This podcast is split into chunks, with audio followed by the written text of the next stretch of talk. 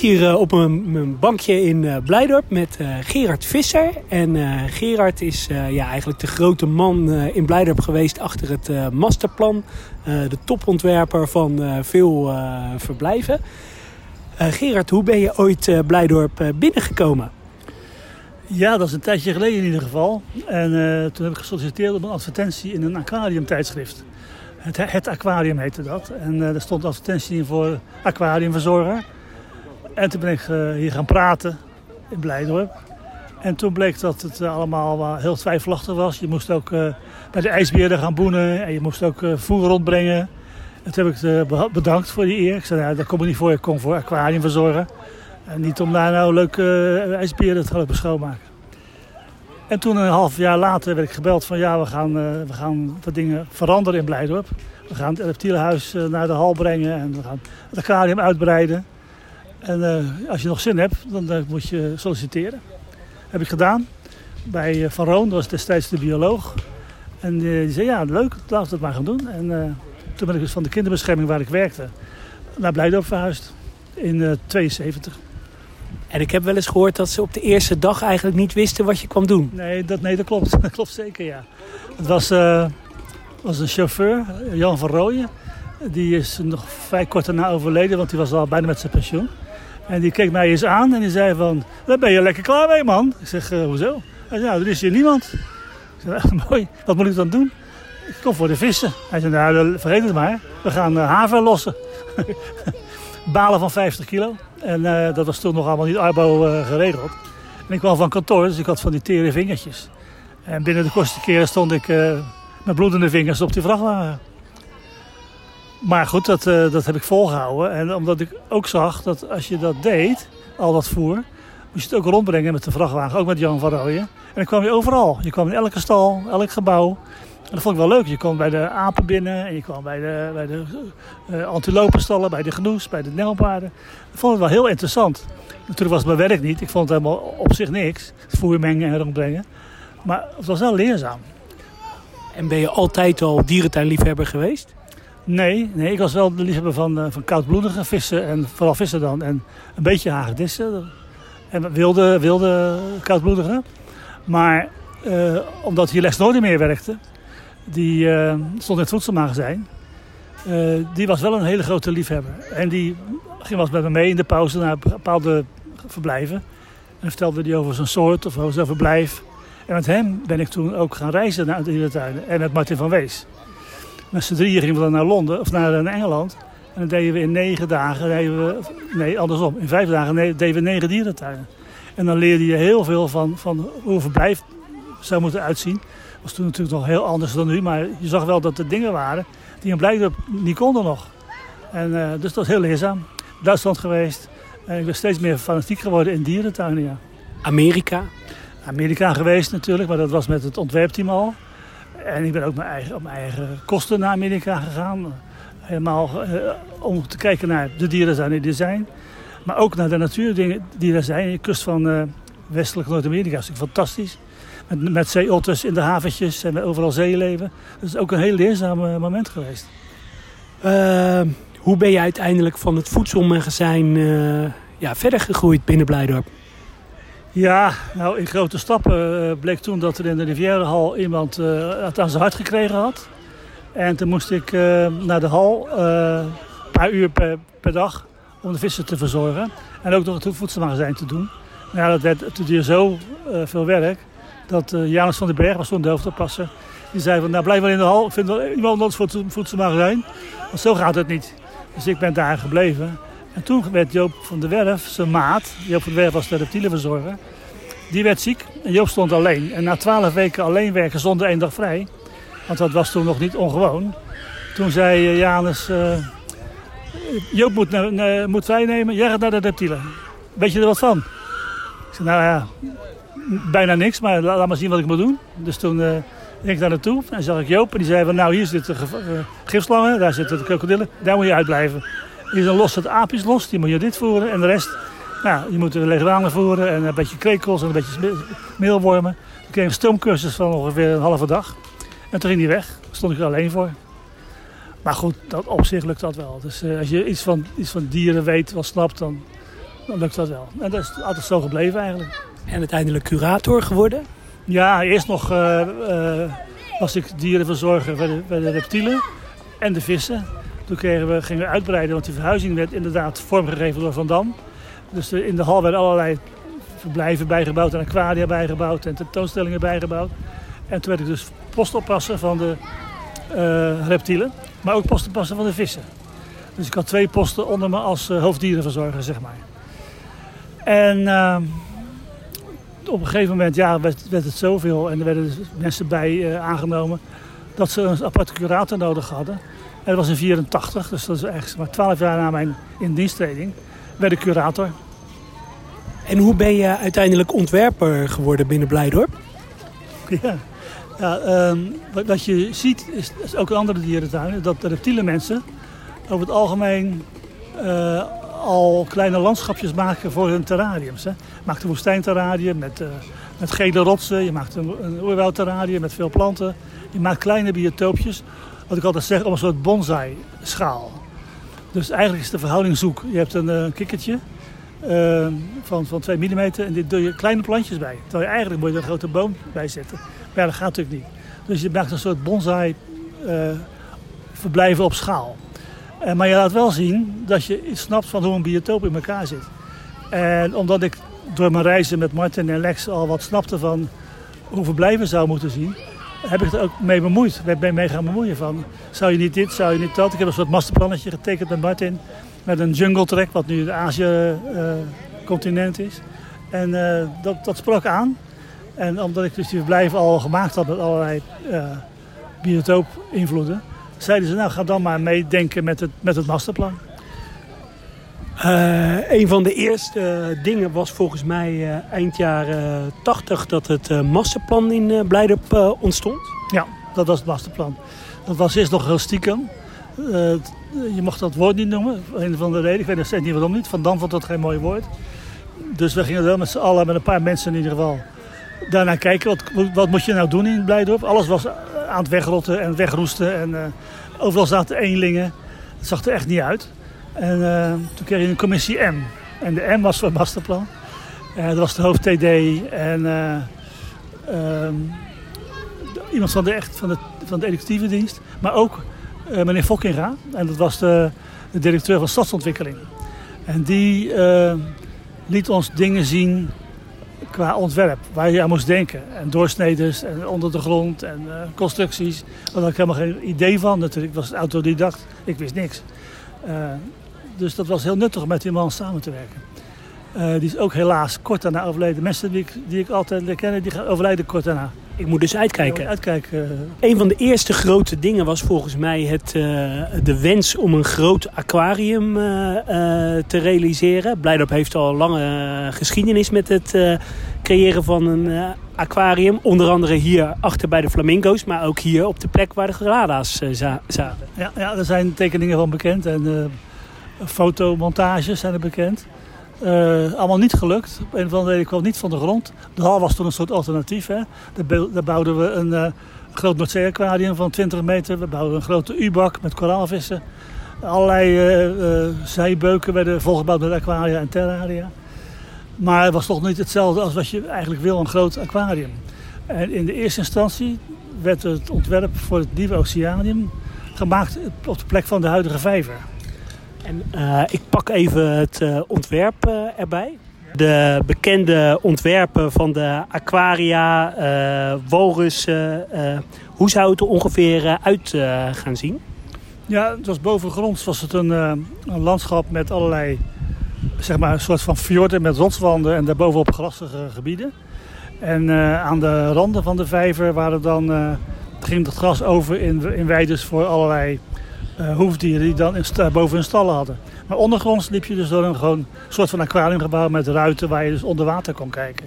Heel groot. En ik heb toen met een meneer, waarvan ik zijn naam vergeten ben, hij leeft nog wel denk ik, hebben we toen een, uh, maquette gebouwd. Waar die gebleven is weet ik niet, maar het was helemaal in, uh, in dieptes en lagen is dat een mooie maquette geworden. En die heeft wel gefungeerd als een soort, ja, een soort trekker voor sponsors om daarna te kijken wat wij wilden kort daarna, toen het klaar was, kregen we een aanbod om een stuk van Blijdorp wat langer park erbij te pakken. En dus een veel grotere dierentuin te maken. En daar dan het oceanium te, te situeren. Uh, maar was het, als het ooit gerealiseerd uh, is, een, uh, een mooi succes geweest? In die vijver? Ik denk had het wel gekund, ja. Je had dus rondom die vijver alle continenten gesitueerd. Dus alle continenten hadden ook hun eigen kust. Dus als je in Noord-Amerika de Biesel zag lopen, dan was die kustlijn in de vijver was dan de grens. En dan zag je daar dan zeeleven en, en misschien walrus, dat weet ik niet meer precies, maar zoiets. En was het dan nu een uh, verouderd aquarium geweest of had het nu ook nog wel meegekund? Dat hangt vanaf hoe we het hadden vormgegeven, echt helemaal. Als het heel goed gedaan had, had het wel meegekund. Maar uh, je zit wel vast aan allerlei grenzen. En dat hebben het Oceanium in het langere park niet. Daar kon je gewoon volop ontwerpen op een leeg vel. Dus ik denk dat het dit een betere oplossing is geworden uiteindelijk. En wat uh, zou dat uh, hebben gekost? Geen idee. Veel guldens. Maar ik denk niet heel veel meer dan we nu hebben betaald voor het oceanium. Dus dat is 45 miljoen gulden. Uh, tussendoor kwam ook nog Taman Inda voorbij. Ja, het moerasgebied, Taman Inda.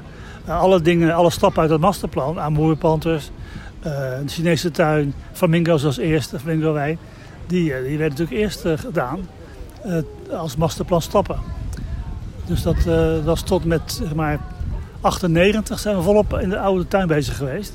En toen werd eigenlijk elk jaar wel een groot project uh, geopend. Ja, elk jaar wat. Wat moest doorgaan natuurlijk. We moesten publiek trekken. We hadden veel geld nodig. En het Oceanium heeft natuurlijk een lange, bouw, lange ontwerptijd gehad ook. We hebben denk ik wel zes jaar zitten tekenen. En twee jaar zitten bouwen. Dus ja, dan heb je geen inkomsten van. Het, uh, het Oceanium is volgens mij open gegaan in 2001. Of in 2000? 2000 denk ik, ja. 2000. Maar nog niet klaar. Hoe, uh, hoe, hoe zijn daar de eerste ideeën van uh, ontstaan?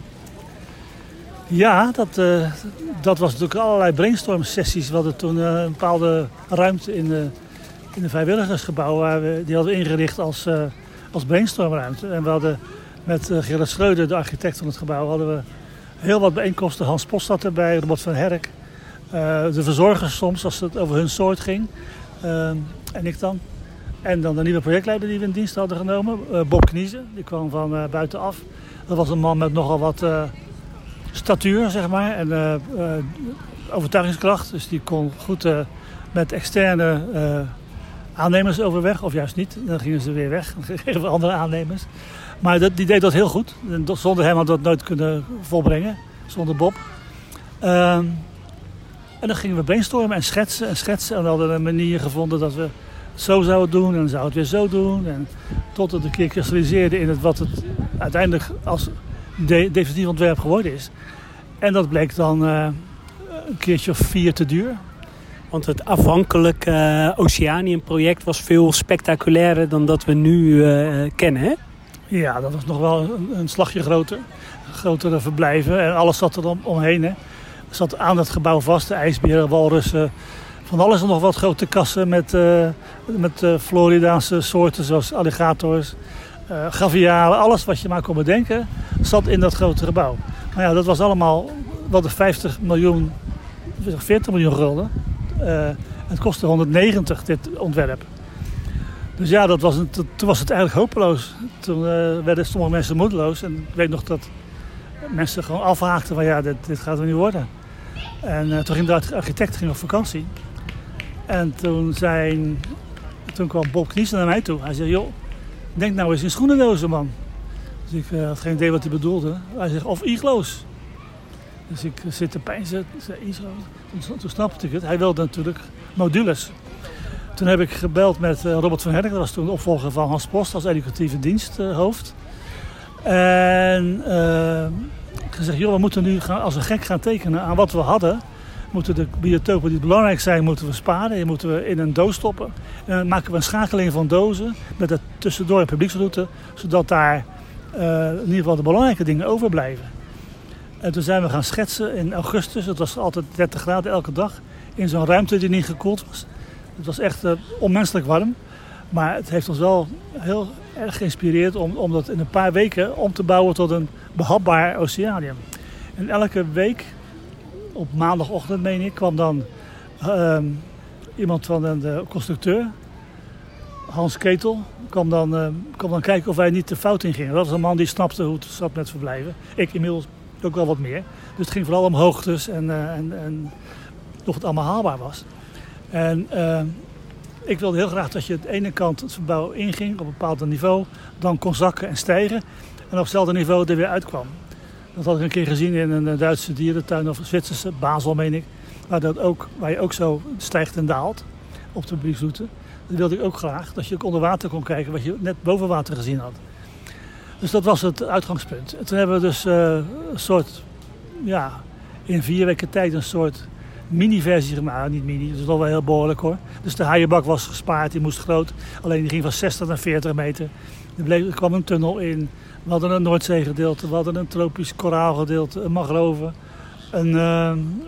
We hadden iets met haaien wat, uit, uit Californië. We hadden een vogelrots. Best nog wel doenlijk hoor. En die tekeningen werden steeds vervolmaakt. En toen werd het dus becijferd op, uh, op een budget wat haalbaar was. Iets meer dan we hadden. Gaf 5 miljoen. Dus uh, Ton Dorrestein, de directeur, die sprak van uh, een zeepert. maar hij ging het wel bouwen. En nou, toen zijn we gaan bouwen en binnen twee jaar stond het er. En ik weet nog dat ik op de, op de verdieping stond waar nu de haaienbak is. Waar de haaienzaal is. Op de betonijzer. En we keken zo in de, in de haaienbak in aanbouw. En als een Amerikaanse uh, aquariumdirecteur, die kwam kijken wat wij aan het doen waren. En heeft uitgelegd wat het was. Hij zei, ja, ziet er goed uit man. In het Engels dan natuurlijk. Dus ik uh, zei, wat denk je dat het kost? Hij zei, nou, hij zegt 190 miljoen dollar. Zei, nou nee, dat gaat 40 miljoen dollar kosten. Uh, gulden kosten, dus 25 miljoen dollar. Nou, dat geloofde hij niet. Maar dat is wel gebeurd. Is achteraf gezien het Oceanium te goedkoop gebouwd? Nee, ja, je, je kan altijd meer geld investeren als je, dan dat je hebt.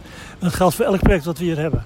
Dus altijd uh, moet je creatief zijn en zorgen dat je, dat je met het budget wat je hebt het toch redelijk voor elkaar krijgt. Maar er zijn wel dingen die echt wel beter hadden gekund. Hè? Bijvoorbeeld de dienstgangen zien er nu niet uit. Beton, dat, dat is gewoon niet, niet fantastisch. Dat is te vroeg in gebruik genomen van de dienstgangen. Hè? De verblijven zijn wel goed. En we hebben ook wel op, opknapbeurten gedaan al. Maar wij zouden het met 60 miljoen helemaal naar ons zin hebben kunnen maken. Nu zie je bijvoorbeeld plekken, ik zie ze dan vooral, ik weet niet of andere mensen het ook zien, waar wel rotspartijen zaten, mooi afgewerkte wanden, waar nu gewoon zwart, zwart schilderwerk zit. Omdat er geen geld meer voor was. Er zitten ook ruiten uh, op een verkeerde plek. Die zijn eigenlijk niet, niet laag genoeg geworden, die zijn kleiner gemaakt dan we eigenlijk wilden. Maar ja, ik denk niet dat heel veel mensen dat de eerste jaren opgemerkt hebben. Uh, wat zijn nou dingen die je uh, zegt, ja, dat is wel jammer dat die uh, gesneuveld zijn. Dat was wel echt spectaculair geweest als die erbij hadden gezeten. Ja, ik ben al zo gewend aan hoe het nu is. Maar ik denk wel dat aan de, aan de kant van het parkeerterrein, waar nu die neusonleguanen zitten en die andere hagedissen, daar in het ontwerp liep je naar buiten in een soort grote kas of in een, in een vliegkooi. En daar zaten dan allerlei tropische dieren uit Florida. Uh, en dan ging je over in een soort uh, tropenkas met aan zonnegebied. En dan kwam je weer terug waar nu, hoe moet je het noemen? Waar nu de krokodillen, keimannetjes zitten, keimannetjes. En die, die, die Arapaima's arowanas zitten. Dan kom je dan weer binnen. Dat is een soort extra U die de beleving wel heel veel leuker had gemaakt en completer had gemaakt. Maar ja, dat was niet zo. En dan hadden er ook zeekoeien ingekomen? Dat had ik wel gewild, ja. Ja. Er is ook altijd nog lang sprake geweest van een zogenaamde Suriname-hal. Dat was deze. Je ging over van die, van die Florida-hal naar de Suriname-hal. En dat is natuurlijk vooral omdat je uit Suriname die dieren kunt krijgen. Maar ook onze overzeese landgenoten. Dat ook prettig vonden om daar uh, te kunnen kijken naar hun, hun diersoorten. Uh, andere spectaculaire plannen die tijd waren bijvoorbeeld uh, de zogenaamde energiehal erbij kopen. Er is zelfs wel eens uh, gezegd om daar een dinosaurusattractie te maken waar je met bootjes doorheen zou gaan. Dark Ride, ja, ja bootjes over een wagentje. Dat was meer een, een kindje van Hans Post. Die was er erg ver in gegaan, al met het bedenken van die, van die attractie. Black Ride heet dat, hè? Dark Ride. Maar dat is, ja, dat is afgeketst. Dat, dat ging helaas niet door. Had wel leuk geweest, maar ik, of wat had ik kunnen verbinden met Blijdorp? Uh, ik bedoel, fysiek, wel, weet ik niet. Dat is toch een eentje weg. Wat zijn nog meer uh, projecten waar je de afgelopen decennia aan gewerkt hebt in Blijdorp en die het helaas nooit uh, hebben gehaald? Ik verdring dat altijd. Dus ik, ik, ik, denk niet dat ik dat nog veel weet, maar wat ik nu, wat mij zeer doet, uh, gewend natuurlijk inmiddels, is dat die hele verbinding tussen de pinguïns en uh, zeg maar de Galapagos-schildpadden, en dat heette uh, eilandhoppen. Dat was een kassenserie, echt mooi groot, voor zowel Galapagos-schildpadden, Komodo-varanen als de Madagaskar-gedeelte. Dat is helemaal ontworpen, is klaar. We hadden een budget ervoor. En we zouden het gaan doen totdat corona uitbarstte en het, het opdroogde. We hebben het ontwerp klaar liggen, dus als iemand uh, een miljoen of anderhalf miljoen neerlegt, dan gaat het zo bouwen.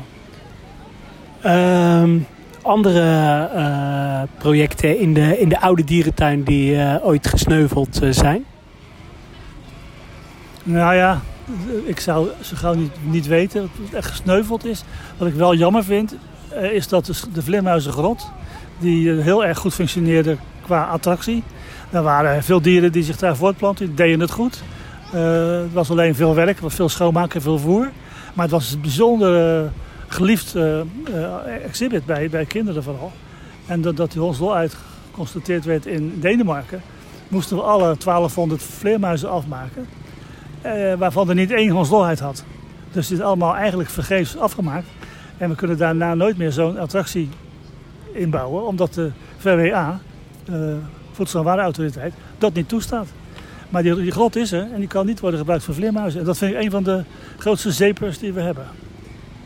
Uh, andere project waar je bij betrokken bent geweest is uh, Amazonica met, uh, met de vlinders. Ja, ja Amazonica is uh, wel met z'n drieën. René Reuze, Louis Jacobs en ikzelf hebben ontwikkeld als, wat er als programma in zit. de, de, de, de schil eromheen is, is een soort doom van houten delen met kunststof uh, doorzichtige panelen daartussen. Die op zich mooi is, maar niet helemaal voldoet. En er gebeurt van alles wat niet, niet had moeten gebeuren. Dus we zitten met een probleem. Ik geloof dat het. Ik, ik ben niet betrokken meer bij uh, wat het nu de oplossing is, maar die is er wel. En ik vind zelf dat het binnen bijzonder uh, geslaagd is. Het is. Aanvankelijk was daar ook een nachtdierengedeelte aangepland, hè? Ja, dat is eenzelfde doom. Dat was een kindje van Mark Dame, de toenmalige directeur. Dat zou dan uh, bespannen worden met een donkerdoek. En als je dan de zon doorheen zag schijnen, heeft de maan schijnde, scheen. En uh, die is gewoon meteen al gekapt, omdat er gewoon geen geld voor was. Uh, als we nog even teruggaan naar het Oceanium, wat is jouw favoriete plek? Ehm, momenteel ben ik wel heel erg te spreken over het koraalrif. Het is inmiddels veranderd van een Caribisch koraalrif in een in, in de Pacifische koraalrif. En ik vind dat daar wel heel veel te zien is. Die murenes zijn altijd in het zicht. Er zijn wat leuke educatieve dingetjes bijgekomen. Ik vind de veelheid aan vissen in het rif, de kleurheid, kleurigheid van het koraal, ik vind dat echt vooruit gegaan. Je ziet ook mensen daar heel lang blijven. Is het uh, Oceanium, uh, moet daar veel aan gebeuren om hem uh, de komende 20 jaar zeg maar, weer mee te laten gaan? Ja, dat denk ik wel. We hebben wel wat gedaan natuurlijk. Hè. We hebben een heel programma gemaakt onder Mark Dame nog. In, in tien stappen. Uh, waarbij de, waarvan er een aantal gedaan zijn. Hè. Dus die, die, uh, dat koraalrif is veranderd. Uh, we hebben iets gedaan aan die, die, die, maki, die maki-hoek. de, de haaienshow. Er zijn dingen gedaan aan filtratie. Achter de schermen zijn de gevels deels vervangen. De hele quarantaine is helemaal vernieuwd. Die staat er als een zonnetje bij. Daar kun je nog heel lang mee door. Um, er zijn wat projecties uh, bijgekomen. Bij de Penguins hebben we veel gedaan. Die, die vloer die daar is, hè, die, die uh, interactieve vloer, dat is een dingetje wat weer modern is. Dus ja, er zijn dingen gedaan, maar het was nog niet klaar. En ook daar heeft corona dus ingehaakt. Maar we hebben wel we hebben plannen liggen voor nog zeker zes delen die nog een beurt moeten krijgen. Ehm, volgens mij heb je ook wel eens uh, verteld dat je ooit wel eens gekeken hebt naar bruinvissen in het oceanium. Ja, nou ja, ik niet per se. Uh, maar er was een uh, moment dat de bruinvissen moesten worden onderzocht op hoe ze reageerden op onderzees geluid van de windmolens. En wij kenden toen Ron Kastelein goed van het... Simarco? Simarco, ja. Van het onderzoek naar zeezoogdieren. En die kwam langs of, of wij iets konden doen. Hij zelf heeft altijd losse verblijven ergens op de kade die hij dan bouwt. Maar wij hadden natuurlijk een paar grote, grote aquaria. En wat onder andere uh, geschikt zou zijn voor een, voor een kleine bruinvis of twee kleine bruinvissen, was onze Noordzeebak. En uh, daar is er naar wezen kijken en uh, dat zou kunnen. En ze hebben gemeten wat voor geluid er nu al was van de filters en het publiek. En dat, dat zou gelukt zijn. Maar toen is er toch is daar de klad in gekomen en ik denk dat de directeur niet wilde. achteraf denk ik, ben niet helemaal zeker of dat zo was, maar het is niet doorgegaan, het is afgeblazen. Maar het had wel gekund. Het was niet iets wat ik graag wilde, of het per se op de planning had staan. Maar ik vond het wel, als dat dan goed onderzoek was geweest, had ik het wel leuk gevonden dat je daar mee kan doen natuurlijk, als, als dierentuin. Het, het zeeotterverblijf staat nog steeds leeg. Wat zou daar in de toekomst mee moeten gebeuren? Of wat zijn daar voor dingen gepasseerd in het verleden? Ja, ik heb daar wel wat bestemmingen voor getekend. Je kunt daar die tussenmuur uitbreken en dan kun je een vrij groot verblijf maken voor zeehonden. Of zelfs, denk ik, voor een kleine zeebeersoort. Als je daar nog een volière op bouwt, dan kun je misschien nog iets met bruine pelikanen erbij of anderszins. Maar het is nooit, het is nooit echt enthousiast ontvangen door de dierenafdeling. Nu zitten er wel weer zeeleven in, hè, jonge zeeleven. En we hebben de, ramen geblindeerd aan de gebouwkant.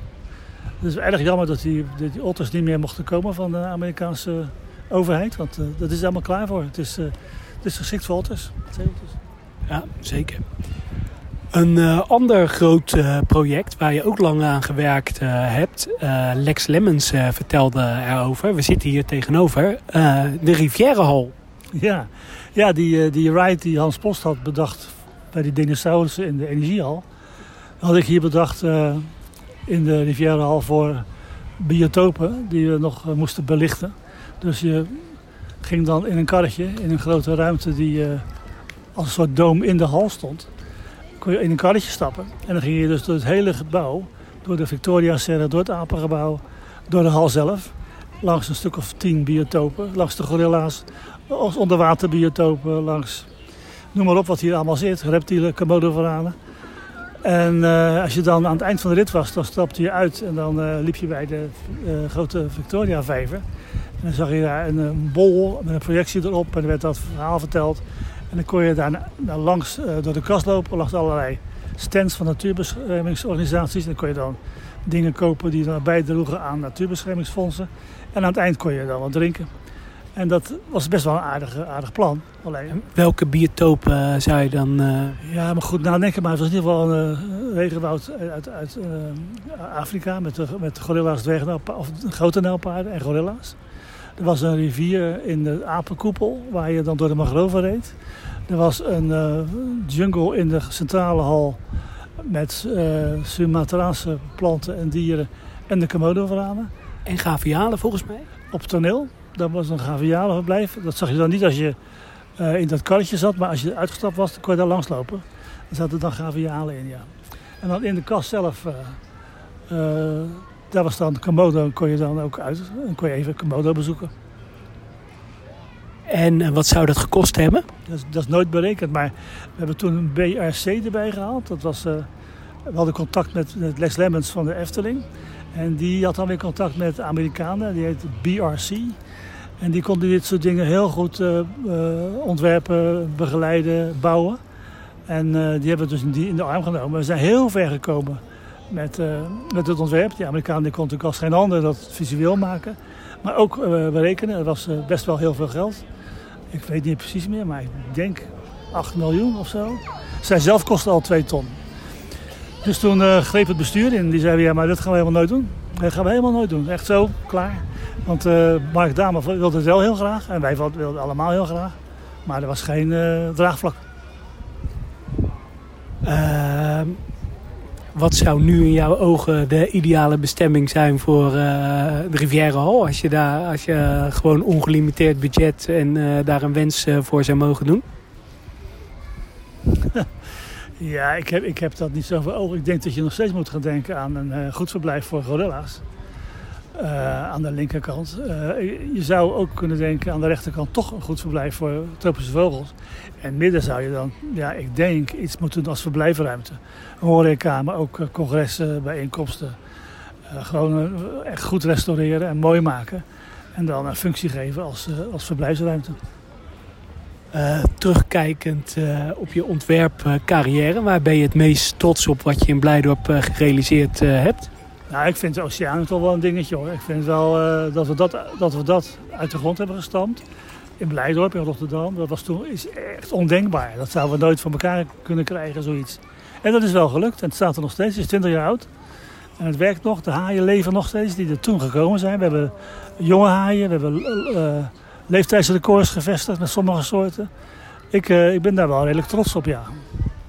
Het is natuurlijk best wel uh, uniek om dierentuinontwerper uh, te zijn. We hebben natuurlijk Erik van Vliet in, in Burgershul, Tom de Jong. we hebben architectenbureaus als Den Pulman, Rasbach. Heb je nou daar ook contact mee gehad?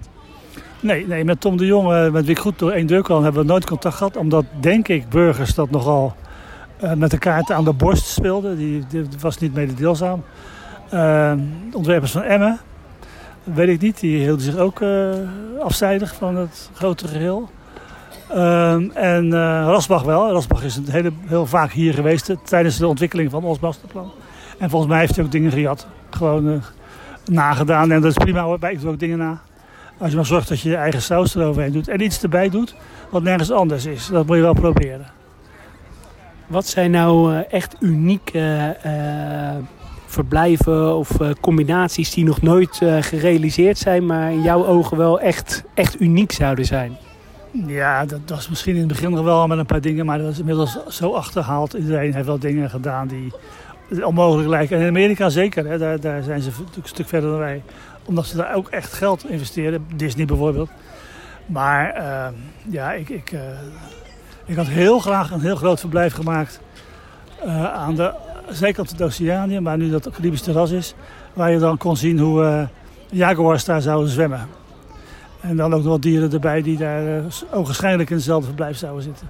Dat vond ik een fantastisch idee. Maar dat is een van de plannen die we dus niet hebben kunnen realiseren. Er stond een gigantisch aquarium gepland. Er stond dan deels over het parkeerplaats heen gebouwd. Dus het is echt groot. En die, die uh, jaguars hadden dan ook nog buiten verblijven. Waar ze in de buitenlucht konden zitten als ze niet in het binnen waren. Dus je had dan jaguars die binnen in een verblijf zaten en af en toe zouden zwemmen. En een andere paar zouden dan buiten zitten. Heb je ook nog uh, zaken buiten Blijdorp uh, ontworpen? Ja, ik ben, ik ben af en toe bezig geweest met andere dierentuinen. Dublin, uh, wat voor gedaan. Eskilstuna, dat is de Zweden, dierentuin. Chester, we hebben heel intensief gewerkt aan, aan dat grote verblijf voor Afrikaanse zoogdieren. Heart of Africa heette dat, geloof ik. En dat is helemaal ook stuk gelopen daar op de financiën. Daar was een architect bij betrokken. Ja, ik denk die, die helemaal in de gaten had wat, wat nou plausibel was. Maar de sky was de limit, hè. En dat, dat ging ook niet. Dat ging ook niet. We hebben wel allerlei leuke dingen getekend, hoor. En uh, met, met Ray Robinson, dat is dan die man die ook bij ons uh, heeft ontworpen met Oceanium. die was er ook bij betrokken, een goede vriend van me. En dan die Ray Halpern, dat was een botanicus uit New York. Die heeft het New Yorkse gorillaverblijf beplant en mede ontworpen. En ze had wel een beetje kaliber aan de ont ontwerptafel. Maar ja, het was zo immens groot. Ze wilden zoveel dingen tegelijk dat het gestrand is. En je bent volgens mij ook wel eens in Istanbul geweest? Nee, nee, nee. Oh, dat uh, staat mij bij. Nee, ik ben nooit geweest. En ik ben wel geweest te praten met uh, mensen die daar iets zouden gaan willen van nieuwe dierentuin voor Ankara zouden ze willen gaan bouwen. Maar dat was er twee partijen in, in een competitie. En de partij die bij Erdogan het beste viel, die heeft dat gewonnen. We zijn nooit aan het ontwerpen toegekomen, alleen maar aan uh, collectiesamenstelling. Met Martin van Wees erbij hebben we zitten praten welke dieren er dan moeten worden gehouden. En ook daar was het weer megalomaan. Ik geloof niet dat er één diersoort was die daar niet in paste. Uh, ja, over megalomane soorten. Uh, reuzen, reuzenhaaien, uh, walvishaaien. Ooit wel eens te sprake geweest? Wel gewild, ja. We hebben toen, toen die bak in de ontwerp was 60 meter bij 40. Dat had een bak geweest, dan had je het kunnen doen. Maar ik vind wel lastig. Is dat dan voor het dierenwelzijn wel helemaal prima met zo'n soort? Ik heb ze gezien in Japan. Uh, naar Japan geweest om te gaan studeren hoe dat allemaal moest. Hè. Daar heb ik ze zien zwemmen in grote aquaria. Dan gaat er zo'n verzorger bij met zo'n emmertje kril. En dat kiept hij dan om in die bek. Uh, hetzelfde geldt voor mola's, hè, die grote maanvissen. Een mooi gezicht, maar doe je hun recht. Hè. Die dieren die trekken over de zeeën. Ik denk niet dat ze geschikt zijn voor een dierentuin in Nederland. Manta's? Een kleine manta's, die, die andere soort. Zou ik wel willen proberen, heb ik ook wel eens voorstel voor gemaakt. Maar echt een reuzenmanta moet je ook twee keer zo'n grote bak hebben, misschien wel meer. Uh, ik, zelf vind bijvoorbeeld dolfijnen, eigenlijk kan het niet. Maar als je naar de lagune kijkt in Harderwijk, dan vind nou, dat is wel een behoorlijk stukje zwemmen voor die dieren. Dat is niet, niet heel slecht. Dus je moet op zijn minst zo'n bak hebben, wil je recht doen aan dieren als manta's en, uh, en reuzenhaaien. Uh, panda's, grote panda's. Ooit wel eens sprake van geweest in Blijdorp? Ja, over, over nagedacht, maar gelijk al afge, afgevinkt. Wij willen niet huren en betalen voor een, voor een diersoort die, die niet voor ons is. Waar we niet een fokprogramma kunnen opstellen zelf met andere tuinen. Waarbij je geregeerd wordt door, door een ander land. Ik denk niet dat we dat willen. Dat was toen met Dorrestein, hè? Die gaf toen uh, gorilla's weg aan China, Shanghai. En zouden we dingen voor terugkrijgen. Nooit gevraagd om panda's, andere dingen. Blauw, blauwe neusapen. Nee. nee, goudneus. Stopneus. Goudapen. Oh ja, goudapen, zo heet het. Ja, uh, zouden we dan krijgen. Dat is ook nooit gelukt. Wel witlipherten. Nou, dat, dat wil natuurlijk niemand echt als, als supersoort erbij hebben. Dus dat is, dat is gauw gestrand. En je kunt Chinese, Chinese tuinen kun je nauwelijks sturen. Je kan, wij, wij zijn wel te sturen. Hè? Je kan met ons alle kanten op. Maar het moet wel van twee kanten werken. En dat zijn we dus mee gestopt. We hebben heel veel Chinezen gedaan hoor. Echt heel veel. Jarenlang. Kan je daar nog voorbeelden van noemen? Nou ja, de hele Chinese tuin, hè, die paviljoentjes, dat is dan een geschenk van Shanghai. Uh, nou ja, die gorilla's, was een ding. We hebben eigenlijk verder niks meer over. We, Chinese alligators zouden we verder gaan met dieren van hun. Is nooit gelukt.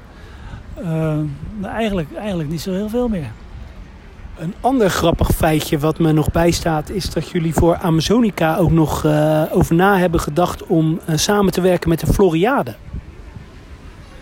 Er zou dan een kas van de Floriade uh, gerecycled worden voor Amazonica. Een hele grote kas was dat, ja. ja, ja. Daar hebben we inderdaad over te nadenken. Dat is ook afgeketst, omdat het denk ik een ding was wat we niet zo goed konden inpassen in onze biotopenverhaal. En wat zie je dan in de dierentuin als je er langs loopt? Hoe, oogt dat dan? En ik weet ook niet waarom het helemaal echt afgeketst Misschien was het ook wel een, soort geldkwestie. Uh, te veel kosten om het, om het goed op te bouwen. En wij wilden toch wel eigenlijk iets, iets moois maken. En ik denk wel dat die koepel met al zijn gebreken een mooi ding is. Ook om, om daar binnen te zijn. En een kas is toch een kas. is toch met, met van die roetjes en uh, palen. En, je hebt ziet bij de okapis, we hebben daar van alles aan gedaan om die kas weg te krijgen met boomstammen. En dat is ook redelijk best gelukt. En voor okapis is het echt geweldig om daar te staan in plaats van in een donkere stal. Dus echt wel een hele grote vooruitgang. Bovendien zitten er vogels bij. Maar om zo'n kas helemaal in te richten als vlinderkas, ik denk dat het moeilijk had geworden. Ik vind dit wel mooier. Hoe is het nou als je een verblijf ontwerpt en uh, de eerste keer komen de bezoekers uh, binnen? ja, dat, dat, kan fantastisch zijn als mensen goed reageren. Ik weet, de oceaan ging open die dag. Uh, Ton had bij het hek gestaan. Hek, hek geopend, mensen stonden al in rijen om naar binnen te stromen. Het werd gereguleerd, hè. er konden maar zo mensen tegelijk. En ik liep daar dan tussen en ik uh, liep te kijken hoe ze reageerden. En iedereen was enthousiast, ook in die haaientunnel bijvoorbeeld. Dat was toch iets ne voor Nederland iets nieuws eigenlijk. En dat vond ik wel fantastisch, dat je, dat je weet dat dit, dat dit het, je eigen, met, met andere mensen natuurlijk, maar ons eigen ontwerp was. En dat mensen er zo op reageerden. Ik zag mensen omhoog kijken, dan zagen ze zo'n schildpad of een haai en dan kregen ze tranen in de ogen. Ja, dat vond ik wel heel geweldig. Wat vind je nog meer uh, mooie, inspirerende voorbeelden in dierentuinen die, uh, die je hebt gezien? Ja, ik reis al een tijdje niet meer natuurlijk. Ik ben al tien jaar een soort van parttime ontwerper hier. Maar ik heb ik heb dat hele Atlanta-ding niet gezien. Maar ik heb wel gehoord van een bioloog die toen ging. Dat het wel groot was. Dus natuurlijk 200 miljoen heeft het gekost. Hè? Maar dat het eigenlijk niet zo mooi is. Heb jij het gezien? Ik heb het gezien. Ik vind het... Uh, uh, het is een eenvoudig aquarium eigenlijk. Maar op de, op de walvishaaien uh, na. Dat is echt fantastisch. Ja, ja dat, dat heb ik ook gehoord dat het groot is. En, en imposant. ik heb het ook in Japan gezien. Een grote aquaria met grote soorten. Maar je weet ook, Japanners... Die hebben een andere kijk op soortbehoud. En daar, daar zie je gewoon aan dat we anders in staan dan wij. Dus zo'n reuzenkrab, als je hebt hele lange poten, die gaat misschien tot aan zijn vervelling mee. Dan, moet je, dan gaat hij dood. En dan moet je weer nieuw laten komen. Dat doen Japanners heel makkelijk. Die hebben, daar, die hebben daar niks mee. En dat is in hun cultuur verweven.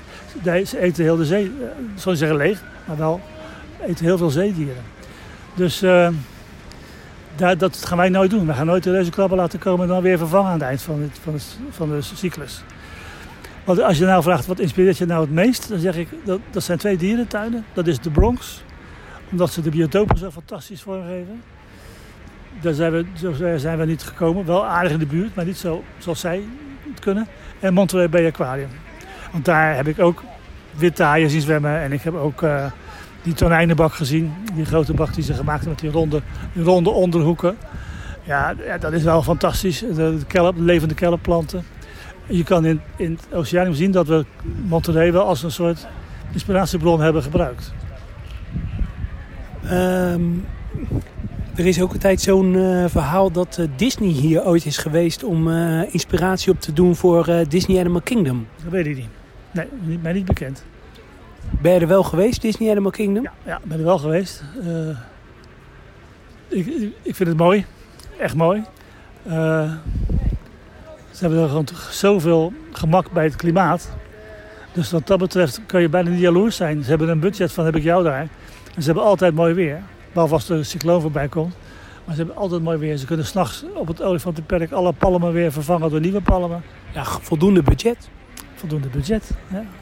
En dat is, dat, je kan ook wel zien dat het voldoende budget is. Het is ook af en toe ietsje te gelikt. Wij hebben dan uh, met veel moeite zo'n zo, zo uh, bazaar ontwikkeld, een vriendenbazaar.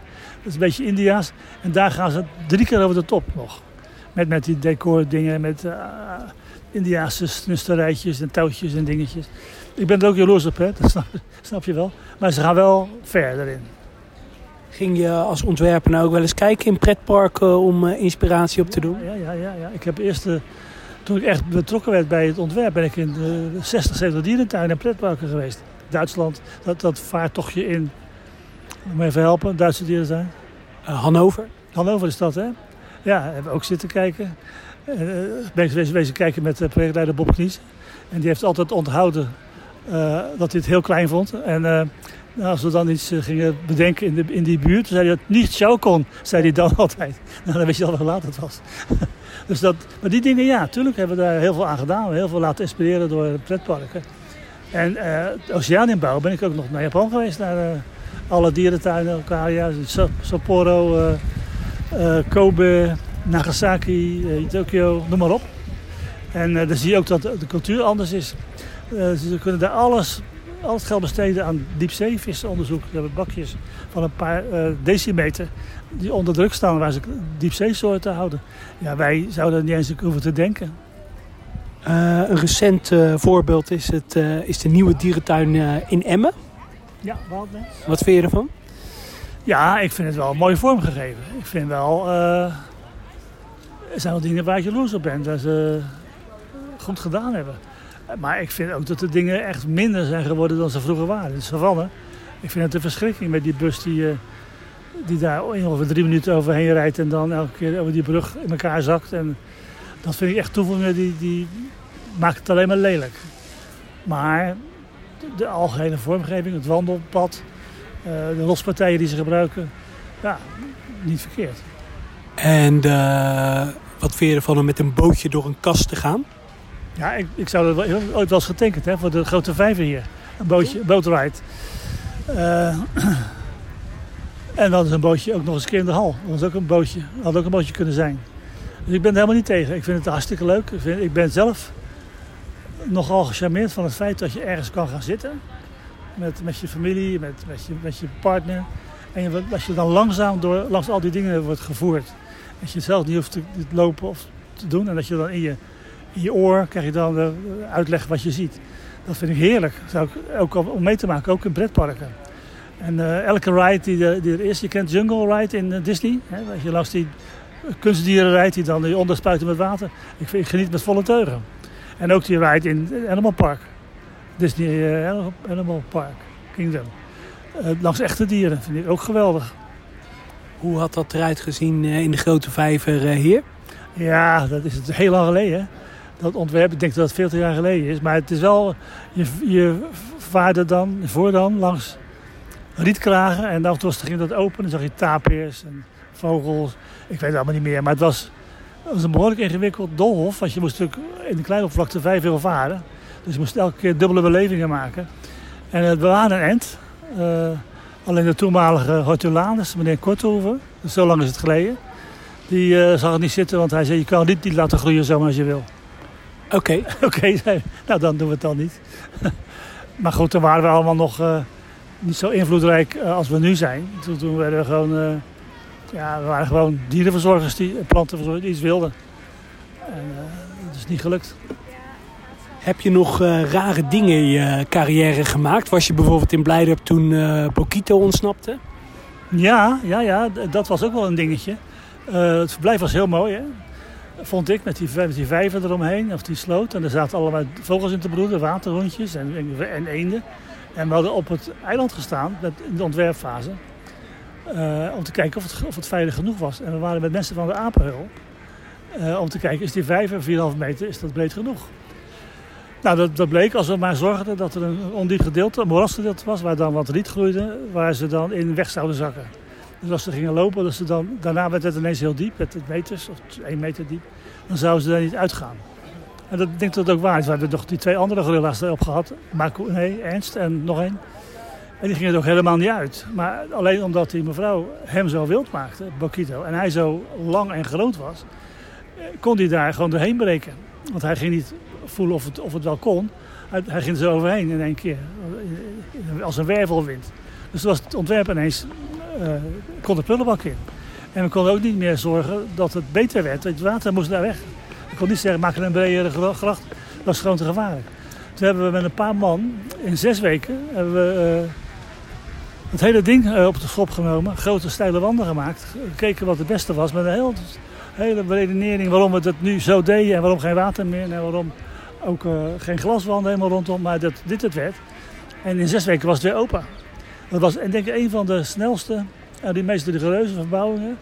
Die toch nog goed uitgepakt zijn die we ooit hebben gedaan.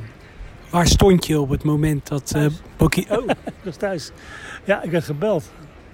En mijn vrouw was wel... Nee, was ook niet in de tuin. Nee. Dus uh, we hebben het niet meegemaakt. We kregen het allemaal mee van een afstandje. En we wilden wel werden op de hoogte gehouden. Dat hij toen verdoofd was in de Kiboko jungle.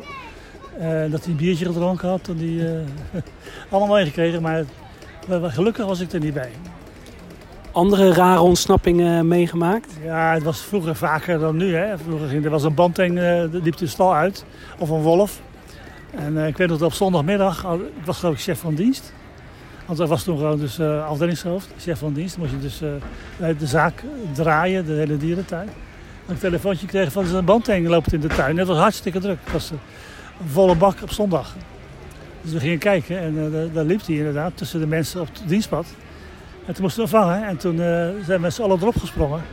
En toen had ik de achterpoot beet, als een soort innige omstrengeling. Maar het ding bleef gewoon lopen. Dus die, die, die sleept ons wel mee de bagger in en de bagger uit. Maar wij maar hangen aan die poten. Maar op de duur werd hij er toch moe van. Dan hebben we dus in een kist kunnen douwen. Maar dat soort dingen, ja, dat hebben we wel meegemaakt. En links in een boom zat op zondagochtend. Die, die we eruit moeten schieten met een verdovingspijltje. Maar die heeft, er stond de hele tuin bezoek van die dag stond te wachten aan de, aan de poort. En dat duurde ook twee uur voordat ze er binnen konden. Dus dat stoopte aardig op. Is er nog een toekomst uh, voor dierentuinen? ja, maar we zullen, ja, dat denk ik wel. Uh, we moeten het steeds beter gaan doen, steeds meer welzijn. Uh, maar dat doen we wel heel goed hoor. Daar kunnen we weinig aan verbeteren, maar wel iets. Maar we kunnen vooral onze boodschap verbeteren. je ziet nou zo'n dierentuinfilm, serie. ik vind hem best goed. Je ziet er mooie beelden in. Je ziet ook dat dieren rustig zijn en meestal wel de ruimte hebben. Maar je zou iets meer boodschap willen verkondigen. Dit is voor dieren, voor soortbehoud. Dit, moet, dit moeten we echt zo blijven doen en nog beter worden in soortbehoud en waarom we dit doen. En dat doen we ook echt. Het is geen alibi dat we verzonnen hebben. Uh, we houden al een aantal dieren niet meer, omdat het niet meer verantwoord is. En die we wel houden, dat zijn dus inderdaad ambassadeurs van een wilde soortgenoten. En het is niet zo dat je kan zeggen, laat ze maar los in het wild. Er is toch geen wild meer. Kijk maar naar de moeflons op de Veluwe. Dat, zo is het ook in Afrika. We hebben al dieren uitge, uitgezet, uh, zwarte paard aan te lopen. Zijn naar Afrika gegaan in een project. Zijn gewoon binnen een week opgevreten. Ja, zo gaat dat. Hè. We hebben weinig natuur en uh, de olifanten in Yunnan lopen ook 700 kilometer om een nieuw gebied te zoeken. De, de, natuur is bijna op en dat moeten we tegengaan. En dan kunnen wij aan bijdragen dat we mensen bewust maken. De natuur moet nog verder worden beschermd. Nou, dankjewel Gerard. Graag gedaan.